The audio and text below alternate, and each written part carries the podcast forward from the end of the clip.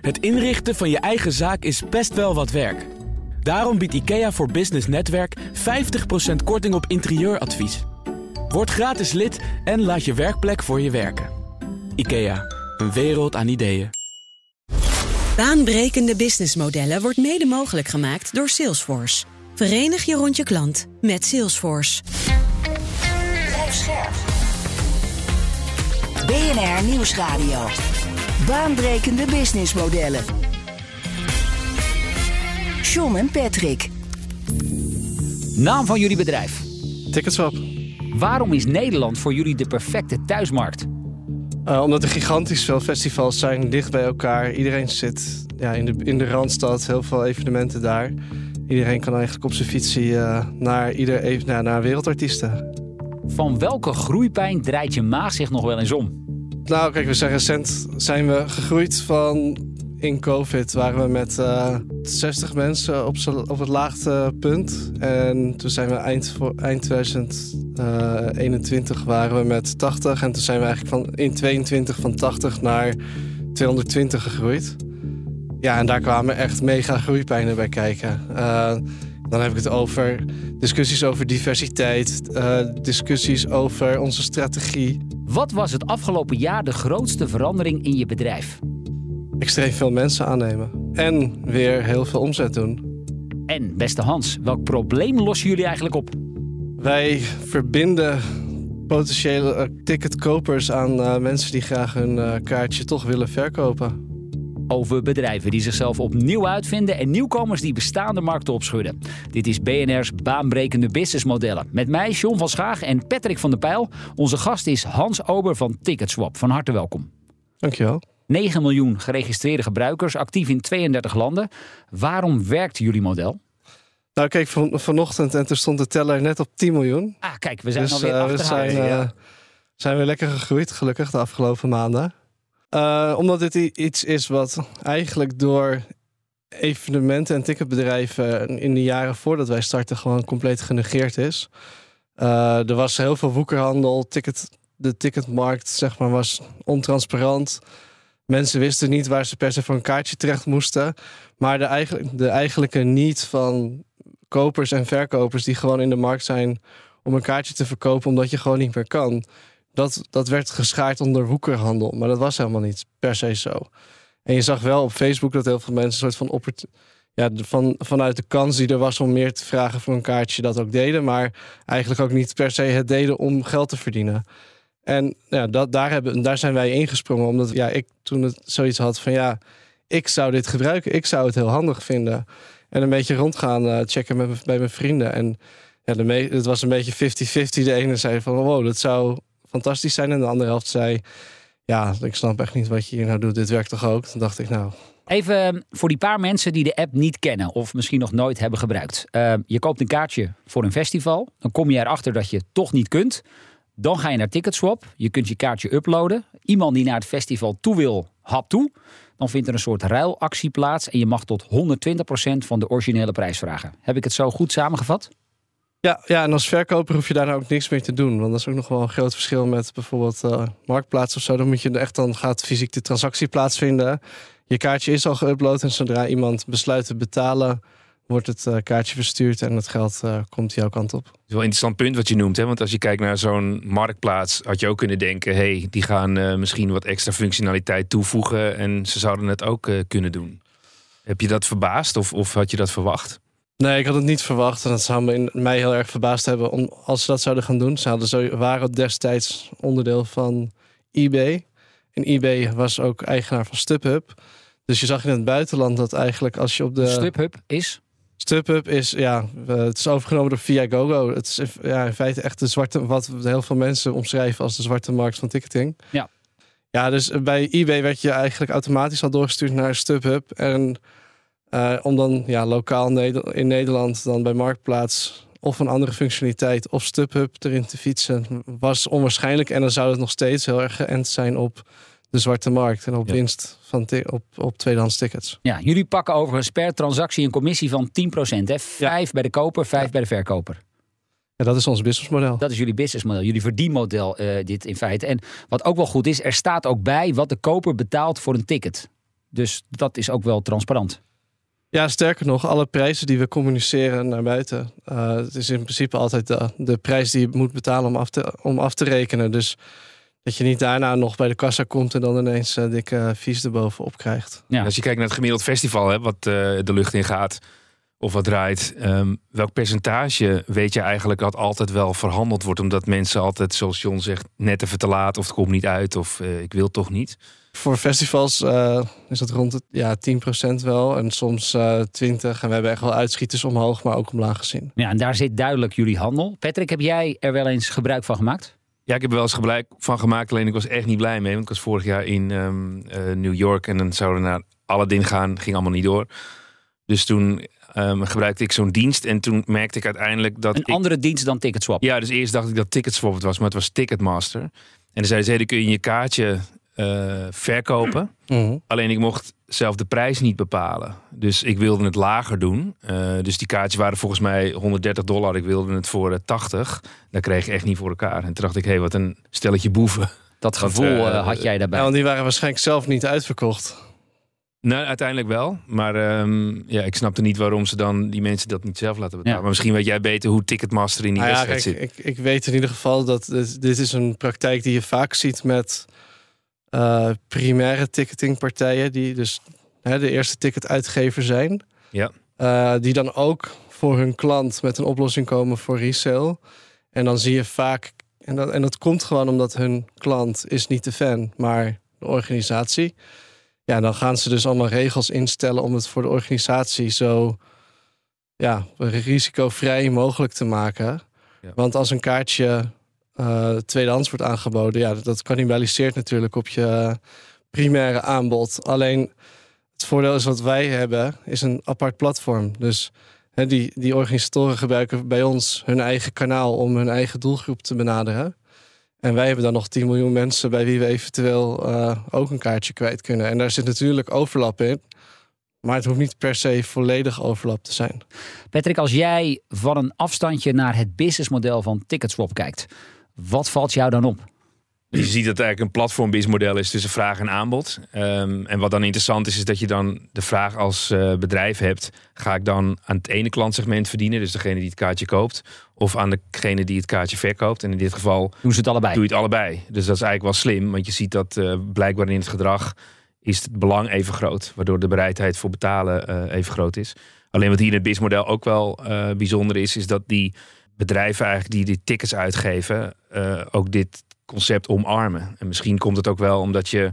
De eventorganisatoren. Ja, dus dan kun je zeggen van hé, hey, dit is misschien een goed kanaal. Want zij zijn er ook bij gebaat omdat ze eigenlijk uh, het digitaliseren, maar ook wel makkelijker maken dat die uh, woekerhandel eruit gaat. Maar ook dat als je iets te ruilen hebt, dat je weet dat het echt is. Ja, want inmiddels werken jullie met ongeveer 60% van de organisatoren in Nederland. Uh, hebben jullie een samenwerking? Nou, met een hoger percentage, maar totaal, ik denk ongeveer in Nederland zijn alle, van alle kaartjes die bij ons verkocht worden, 60% met Secure Swap. Wat inhoudt dat het helemaal 100% veilig is. Je omdat krijgt in feite een andere barcode. Hè, dat je een compleet nieuw kaartje krijgt als tweedehands koper. Ja.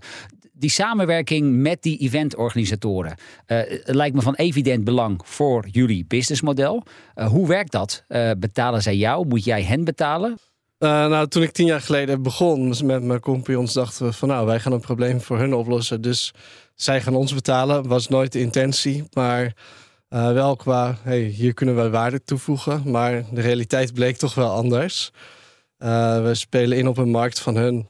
En zij zeggen van ja, als wij jullie gaan promoten op ons evenement, dan uh, willen wij daar graag een incentive voor. En die geven we. Dus even voor de duidelijkheid. Uh, aanvankelijk dacht jij van wij lossen voor hen een probleem op. Dus daar zie ik een extra kanaal om zelf ook geld te verdienen. Toen ging jij met die organisatoren, de IDNT's, de Monumental van deze wereld, ging jij in gesprek. En toen krijg je in feite een ander verhaal terug. Ja, nou, we hebben het nooit gezien als model om echt geld aan te verdienen extra. Want kijk, ons verdienmodel zit gewoon aan die transactie en dat vinden we in die zin genoeg. Daar willen we gewoon sterk op zijn. Dus we hoeven, ja, kijk, wij willen juist dat er dat evenementen succesvol zijn. Want hoe meer evenementen, hoe meer kaartjes uiteindelijk op de tweedehandsmarkt ook belanden. Dus voor ons is het alleen maar goed als die organisatoren succesvol zijn. Dus we zijn ook afgelopen jaren heel erg aan het ontwikkelen geweest. Ook vooral tijdens COVID. Om te kijken wat kunnen we nou als aanbod neerleggen op tafel voor organisatoren. Meer dan geld. Om te zorgen dat zij graag met ons willen samenwerken. En dat daar helpt een hele brede gebruikersbase. helpt daar natuurlijk enorm bij. BNR Nieuwsradio. Baanbrekende businessmodellen. Met deze keer het businessmodel van Ticketswap. Zometeen praten we verder, maar nu eerst Patrick. 10 lessen over innovatie, gedestilleerd uit ervaringen met meer dan 120 founders. Ja, dus ik kwam een lijstje tegen. Hij zat lekker, hè, lijstje. Zeker, Overzichtelijk. houden we van. Houden we van. En eh, op uh, fastcompany.com. Ik ga ze niet alle tien behandelen, maar ik wil er wel drie uitpikken. En de eerste gaat over innovatie is nooit een kwestie van uh, one size fits all. En ehm, ja, wat betekent dat is dat men denkt dat eigenlijk ook elke innovatieoefening bij iedereen wel kan werken. Maar dat is eigenlijk helemaal niet waar omdat bij de een het uh, werkt om zelf te gaan innoveren en het helemaal zonder andere partners te doen. Uh, bij de ander werkt het juist om ideeën te gaan integreren. We zagen het natuurlijk ook bij uh, KPN hè, met Marie C. van de Boogaard. Dus uiteindelijk zie je ook dat het verschillende verschijningsvormen heeft. En dat is ook belangrijk te weten, want dan weet je ook dat je meerdere verschijningsvormen moet gaan verkennen. Meerdere manieren om dat dus toe te passen. One size fits all past hier niet. En dan, um, innovatie zou vaak gaan om interactie met een nieuwe wereld, schrijven zij. Wat bedoelen ze daarmee? Ja, je moet innovatie niet altijd positioneren als een oplossing voor een ouderwets probleem. En uh, bijvoorbeeld met elektrisch laden dan heb je nu overal laadstations naast tankstations. Maar ja, uh, mensen staan de meeste tijd gewoon thuis en op het werk. Dus dan moet je daar de laadstations uh, aansluiten. En bijvoorbeeld bij Oatly zag je dat ze niet het spel gingen spelen om... Uh, Oatly, de melkvervanger? Ja, om uh, het melk te vervangen. Maar uiteindelijk dacht, denken, oh, waar word ik het meest geschonken? Ik ben gewoon alternatief voor cappuccino. Ja, en dus niet je gaan richten in dit geval op allerlei uh, ja, veganistische en lactose-intolerante gemeenschappen. Nee, dan zie je dat het uiteindelijk misschien wel makkelijker is om in die nieuwe wereld te, te kijken waar je het alternatief bent. Ja, dan de derde en de laatste die je wilt behandelen, die gaat over duurzaamheid. Ja, boodschap, duurzaam zijn is een strategie, niet een eindbestemming, zeggen zij. Wat bedoelen ze daarmee? Nou, je ziet die discussie wel vaker voorbij komen. Hè. We hadden natuurlijk ook met uh, Lidl um, in onze uitzending, maar die ook met uh, bijvoorbeeld BNP Paribas, een bank. En daar hadden een aantal jaren geleden dat ze zeiden: hey, uh, dat duurzaamheid, daar moeten we iets mee. Toen bleek dus al gewoon dat die fondsen met duurzaamheid veel beter renderen. En dan zie je eigenlijk dat als je vandaag de dag over duurzaamheid hebt, dan is het een voorwaarde om jezelf een beperking op te leggen om creatief te zijn en te innoveren, maar niet een doel om uiteindelijk dan ergens duurzaam te gaan zijn. Ja, en als je vandaag de dag ook een nieuw bedrijf opricht, dan moet dat ook een duurzaam bedrijf zijn. Er is niet echt een andere optie meer. Er wordt gewoon gevraagd dat je ook aan die duurzaamheidsrichtlijnen voldoet. Uh, dus als je dat dus doet, vandaar kwam ook het nieuws met hotels die uh, dat doen. Uh, daar worden meer kamers geboekt. We praten verder hier in de studio met Hans Ober van Ticketswap, de online marktplaats voor tweedehands festival- en concertkaartjes.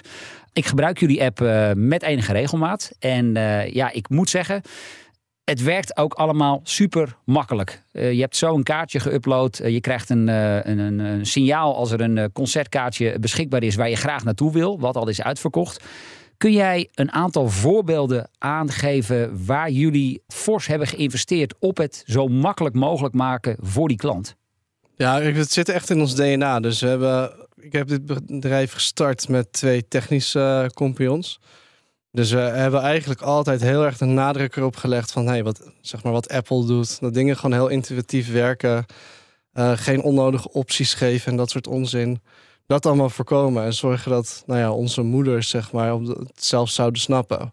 Dat, dat is de benchmark. Snapt mijn moeder het? Dat was ongeveer toen, dat was tien jaar geleden, zeiden we dat tegen elkaar. Van als zij, als zij het zou snappen, dan is het prima. En we hebben in, in tussentijd, kijk, hebben allemaal dingen gedaan om te zorgen dat het nog makkelijker wordt. Kaartjes worden automatisch herkend. Prijzen worden soms automatisch herkend. Dus je niet een, een, barcode hoef je nog ergens in te vullen. Dat, die wordt automatisch afgelezen. Ja, je ja. staat daar als gebruiker eigenlijk niet meer bij stil. Maar dat kan heel irritant zijn. Ja, klopt. En uh, ja, we doen dat ook om te zorgen dat natuurlijk dat heeft een conversiecomponent uh, uiteraard.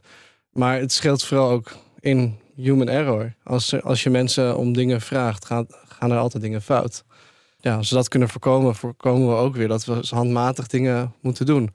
Dus het is ook gewoon een kwestie van we willen een schaalbaar bedrijf zijn. Dus we moeten dingen makkelijk maken. Anders zijn we straks een klantenservicebedrijf in plaats van een techbedrijf. Ja, vaak wordt het onderschat. Hè? Dus bijvoorbeeld bij Spotify hebben ze heel veel tijd aan besteed om echt in een nanoseconde eh, de muziek te kunnen activeren. Dus in die bandbreedte dat het allemaal werkt. En ook als je verbinding kwijt bent, dat het nog even langer eh, voortduurt. Bijvoorbeeld Apple. Als je de Apple-verpakking eh, open doet, dan gaat niet je telefoon vacuüm gezogen worden, ligt hij op de grond. Daar is ongelooflijk veel tijd en aandacht aan besteed. Heb ik een keer zelf van die mensen daar gehoord.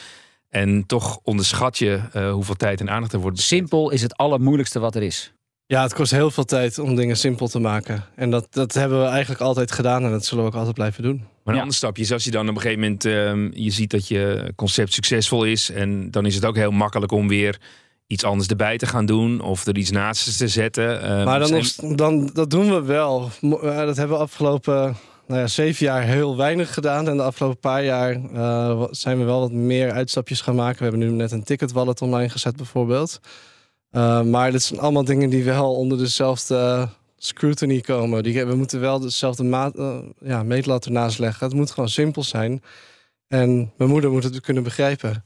ja, nog steeds. Ja, Ik weet niet of mijn moeder trouwens nog, ste- nog steeds de maatstaf is. Of ze maar- naar festivals gaat ook. Dat, Ja. eh, nou, dat niet. En het concept wat jullie eh, ruim tien jaar geleden hebben bedacht. Aan dat concept hebben jullie ook weinig hoeven tweaken. Het is niet zo dat je ergens een pivot afslag hebt moeten nemen. Hè?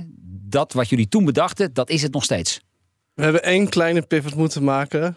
Voor mij de reden om ook echt door te zetten met het idee om te starten, want dat was doodeng, moet ik, moet ik er ook eerlijk bij zeggen. Eh, was dat hadden een, een marketingmodel, was dat eigenlijk ingebakken.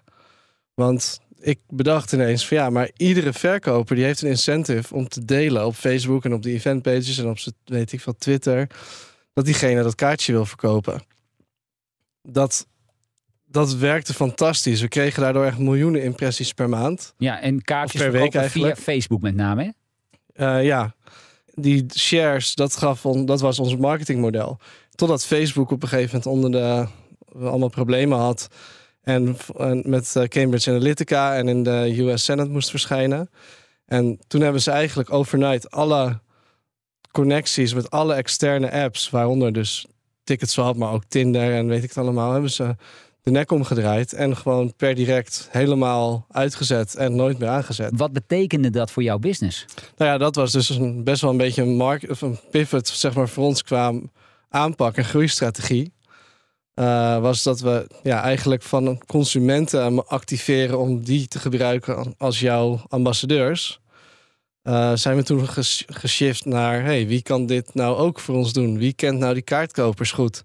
En dat zijn natuurlijk organisatoren. En gelukkig waren we daar al wel mee bezig, maar daar hebben we veel meer focus op gelegd.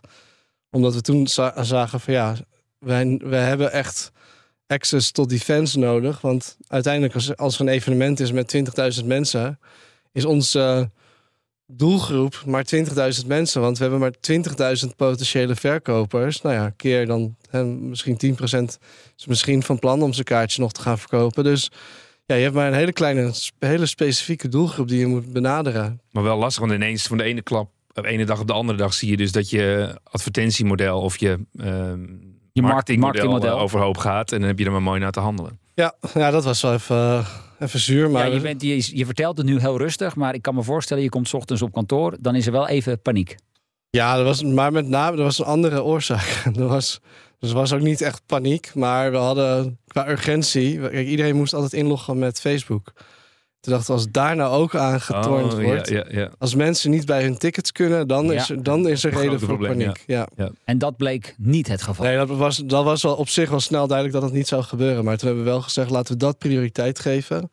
Zorgen dat eerst mensen op een alternatieve me- methode kunnen inloggen dan Facebook. En dan kunnen we eh, zorgen dat we gewoon weer een commercieel gezien hè, de, de juiste stappen zetten. En ehm, de aanname eh, tien jaar geleden dat er mogelijk ook op grote schaal gefraudeerd zou worden. Ben jij er nooit bang voor geweest?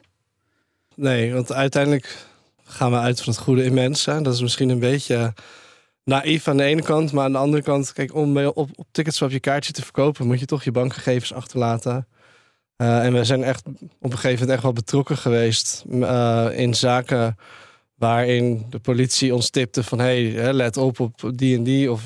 eh, kijken hier naar uit. Of wij hebben hun getipt van hé, hey, wij zien dingen gebeuren. We kunnen het nog niet per se aan iets fraudeleus koppelen. Maar uh, kunnen jullie als je, alsjeblieft een verzoek om informatie indienen, dan mogen we delen.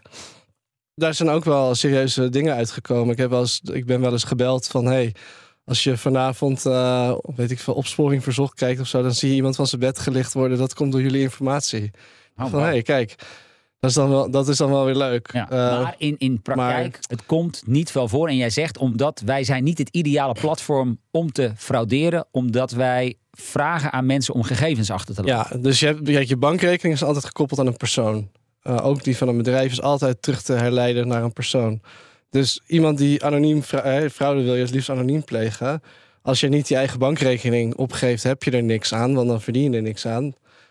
Dus het heeft niet zoveel zin om fraude te plegen bij ons. En er waren eigenlijk de, er waren wat scenario's waar toch nog fraude kon voorkomen. En ja, dat wisten we dan met de politie. En, en ook een goede risicomodel hoor, goed af te vangen. En uiteindelijk maakten jullie dus die shift als gevolg van die um, Facebook-verandering naar die eventorganisaties. En ineens mochten die eventorganisaties niks meer organiseren in tijd van corona. Hoe heb je daar uh, antwoord op gevonden? Ja, nou dat was natuurlijk spannend, omdat we zagen ergens in december al van hé, hey, er zit wat aan te komen. En als dat naar Europa komt, zijn wij gewoon ook de klos. Want het eerste wat je natuurlijk gaat met een heel besmettelijk virus gaat afschalen, zijn je grote evenementen. Ja, dat gebeurde natuurlijk. Ja, dan weet je ook van zonder enige hulp van buitenaf zijn we kansloos. Ja. We waren een, een heel gezond bedrijf. Hoeveel mensen had je in dienst? 105 destijds. En je hebt er ook van een aantal afscheid moeten nemen. We hebben met name van ons marketingteam afscheid genomen en een heel deel klantenservice. Omdat ja, Er, was, er waren geen klanten om te servicen en er was geen market om naar te marketen, zeg maar. Dus daar hadden we niks aan. Uh, en dat was, maar dat was ook wel een beetje sneu, want die mensen die kwamen op kantoor en die voelden zich van, ja, wel verplicht om te werken, maar ze wisten niet aan wat. Dus dat was ook heel frustrerend. Uh, en we hebben eigenlijk iedereen heel erg in het verhaal meegenomen en laten zien van hey, dit is de situatie, dit kunnen we doen. Dit zijn de hè, mogelijke steunmaatregelen die er komen, die hebben op deze manier impact, bla bla bla. En op, deze, en op die manier hebben we het eigenlijk zo, zo netjes kunnen doen. Dat van de mensen die we hebben laten gaan, en dat waren er uiteindelijk 35 ongeveer, uh, dat daar ik denk 20 wel een, op een of andere manier zijn teruggekomen. Ja, want inmiddels telt jullie organisatie weer 220, eh, nee, 230 medewerkers. Ja, en hoeveel daarvan zitten er op de klantenservice? Dat is een hele goede vraag. Volgens mij op dit moment 65 ongeveer. Maar dat is dan alle vormen van klantenservice. Dus als after sales, live support en prevention. Ja, ja um, misschien zie ik het wel verkeerd, maar dat vind ik nog best wel veel mensen voor een transactie die redelijk makkelijk is. Jullie hebben het allemaal heel handig geregeld. Kan jij nou zeggen dat hij zijn huiswerk niet goed doet? Nou ja, maar bedoel, het model lijkt me zo makkelijk schaalbaar. En blijkbaar heb je dus toch een best omvangrijke klantenservice nodig. Ja, nou ja, kijk, er zijn gewoon heel veel dingen die fout kunnen gaan in zo'n open transactie met name, waarin wij niet met die ticketingpartijen kunnen schakelen. Dus om te zorgen dat dat in goede banen geleid wordt, moeten we gewoon zorgen dat evenementen goed staan ingesteld. Dat mensen, hè, dat de, de limieten van prijs en alles ook zo, hard, zo goed mogelijk zijn afgevangen. Dat daar geen gekke dingen gebeuren. Uh, dat als er een kaartje dan onverhoopt niet werkt, dat we daar ook in kunnen ondersteunen. Ja, en dat, dat is best deel van de operatie. Maar het is wel een beetje ja, de cost of doing business in, in onze sector. Want ja, een buitenstaander zou denken, je laat de app draaien en de rest gaat vanzelf. Maar ja, het tegendeel is... Uh... Vaak wel een mis nou, ik dacht, uh, ik dacht, toen we net begonnen, dacht ik van nou, als de, als de website af is, kan ik op het strand gaan liggen. Ja, maar dat, cocktailtje uh, erbij en de rest... en wat betekent die impact van die 32 landen waar je actief bent? in in klokje rondwerken of verschillende talen? Nee, heel veel verschillende talen. We hebben heel veel verschillende nationaliteiten zitten. Uh, ook op de klantenservice. Dus je ziet daar ook, kijk, we kunnen Nederlands iemand niet echt voor Frankrijk inzetten. Want in Frankrijk spreken de meeste mensen die ons bellen niet goed genoeg Engels om ze daar daadwerkelijk goed te, uh, te helpen. Of ze zijn daar niet uh, ja, zelfverzekerd in. Ja, Frankrijk is één van jullie groeilanden, naast ook Engeland en Duitsland. Ja. Snappen de mensen daar ook het concept van ticketswap? Het zit hier inmiddels al zo erg in die festival-concertcultuur ingebakken. Maar hoe is dat in andere landen? Ja, in die andere landen eh, is, het, is dat wel iets waar we harder aan moeten trekken. Hier hebben we die, die initiële boost ook juist door onze Facebook uh, growth hack, zeg maar, eh, heel hard gegaan. Maar in die andere markt is het dezelfde noodzaak. Daar hebben ze ook gewoon fans die, die maanden van tevoren een kaartje kopen en dan misschien last niet kunnen gaan. En juist dingen als corona spelen dat in de hand. Want als iemand nu ziek is, dan zeg je nou blijf maar lekker thuis en uit mijn buurt. En vroeger zei je stel je niet aan. Dan is het best ook wel verbazingwekkend dat ehm, jullie bestaan al tien jaar. Mhm. En in al die tijd is er in de landen om ons heen niet een soort ticketswap Duitsland of een evenknie in Frankrijk ontstaan. Nou, we hebben lokaal wel hier en daar wat concurrentjes gehad. Eh, toen wij in Nederland startten, startte ook een vergelijkbaar concept. eh, echt toevallig eh, precies Ja? tegelijk. Hoe, hoe heette dat? Ja, ik zou het niet weten. Geen idee. Nee, ik heb er ook nooit van gehoord, moet ik zeggen. Eh, maar zij begonnen en zij hadden het geoutsourced. Dus zij konden niet iedere dag de website verbeteren. Terwijl wij aan de telefoon, eh, als er gebeld werd, werd er live ondertussen werd er geprogrammeerd. En dan was het, hey Hans, vraag even of ze kan refreshen of zo. Maar dat is toch ook onhandig dat je als start-up je IT uitbesteedt. Dat lijkt me wel een beginnersfout. Ja, dat- heb dat- ik jou daar. Nou ja, dat, dat blijkt. Ja. Dat is, Dat is duidelijk. Maar- is overigens die, die app, eh, werkt die in alle landen hetzelfde? ja, kijk, er zijn wel wat lokale aanpassingen. Maar in principe is het gewoon, het is één app, het is één download. Eh, en we kunnen wat veranderingen per markt.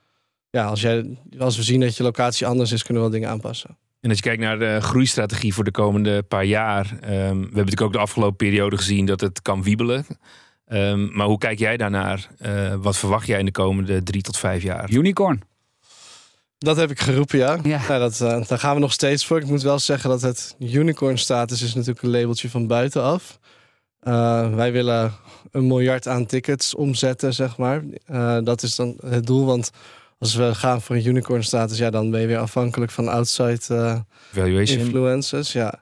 Dus dat willen we zo min, zoveel mogelijk beperken. Maar eh, kijk, in Nederland zijn, zitten we gewoon heel goed in de markt. En eigenlijk willen we gewoon een aantal keer, hè, een aantal Nederlanden qua marktniveau bereiken. Nou ja, dat houdt in dat we aan de ene kant nieuwe markten moeten aanboren. Maar aan de andere kant ook niet te veel. Want we moeten ze ook, als we ze aanboren, wel nou ja, of afscheid van nemen of doortrekken naar, eh, naar hetzelfde niveau. En is dan de Verenigde Staten het beloofde land?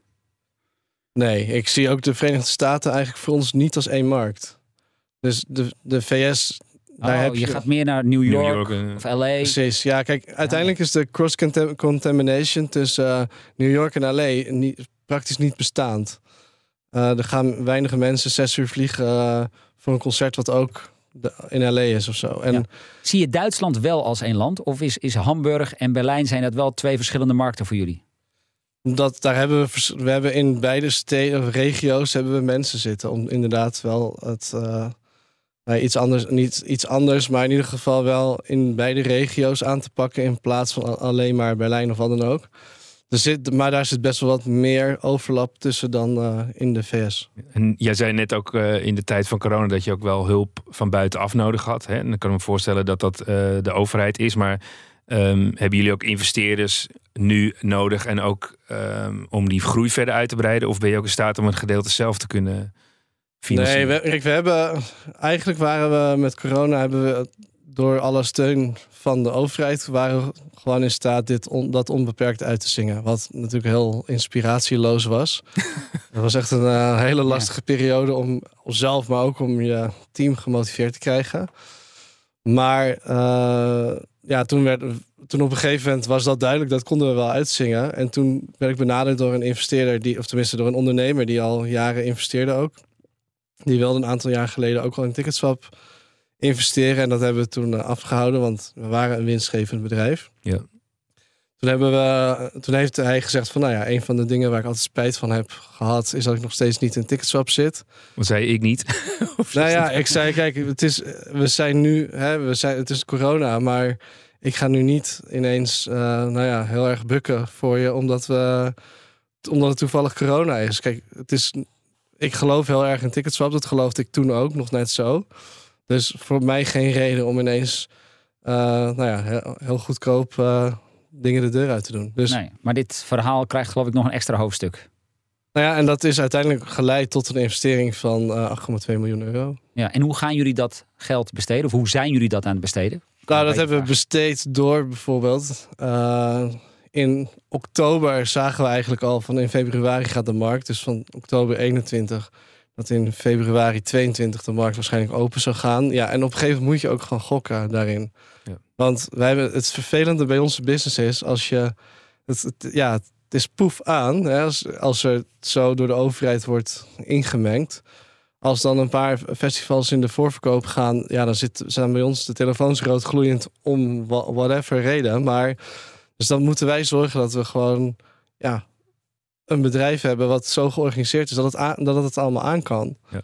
En ja, dan moet je anticiperen, want het was Ja. natuurlijk moeilijk om mensen aan te nemen, et- et cetera. Dus we moesten gewoon zorgen dat we ja, eh, vooraf geanticipeerd hadden. En om twee, van 22 een succes te maken, moesten we gewoon al mensen voor ons sales team, dus voor, ja, eh, moesten we voor het sales team aannemen. Voor sorteren inderdaad op drukkere tijden. Ja, dus en, en ja, daar hebben we het bedrijf dermate opgeschaald dat toen in eerste instantie natuurlijk niet winstgevend was.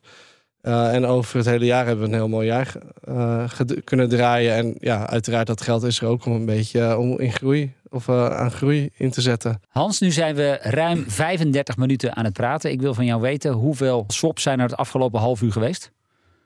Geen idee. Om en nabij. Maar praten we over tientallen, honderden, duizenden? Ik heb, ik heb echt geen idee. Ik weet niet hoe druk het is vandaag. Nee, maar als het een toptijd is, Ja, wat. eh, hoeveel doe je dan per uur?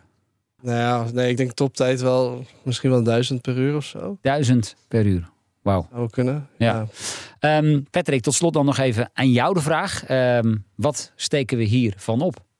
Ja, ik vind het wel een uniek model. Omdat je uiteindelijk ook ziet dat er relatief weinig concurrenten zijn. Wel alternatieven, wat je zei, maar echt concurrenten niet.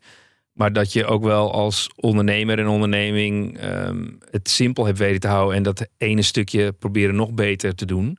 In plaats van weer snel te vervliegen naar andere dingen. Of te snel uit te rollen, waardoor je in alle landen een beetje Ja. doet. Het leuke is dat wij in dit programma eh, altijd het probleem behandelen. Wat iemand wil oplossen. En ik denk ook dat het probleem van Hans, dat zij oplossen, ook super simpel is. Dat ook mijn moeder inderdaad dat begrijpt. En die is inmiddels 75, dus dat is een mooie benchmark.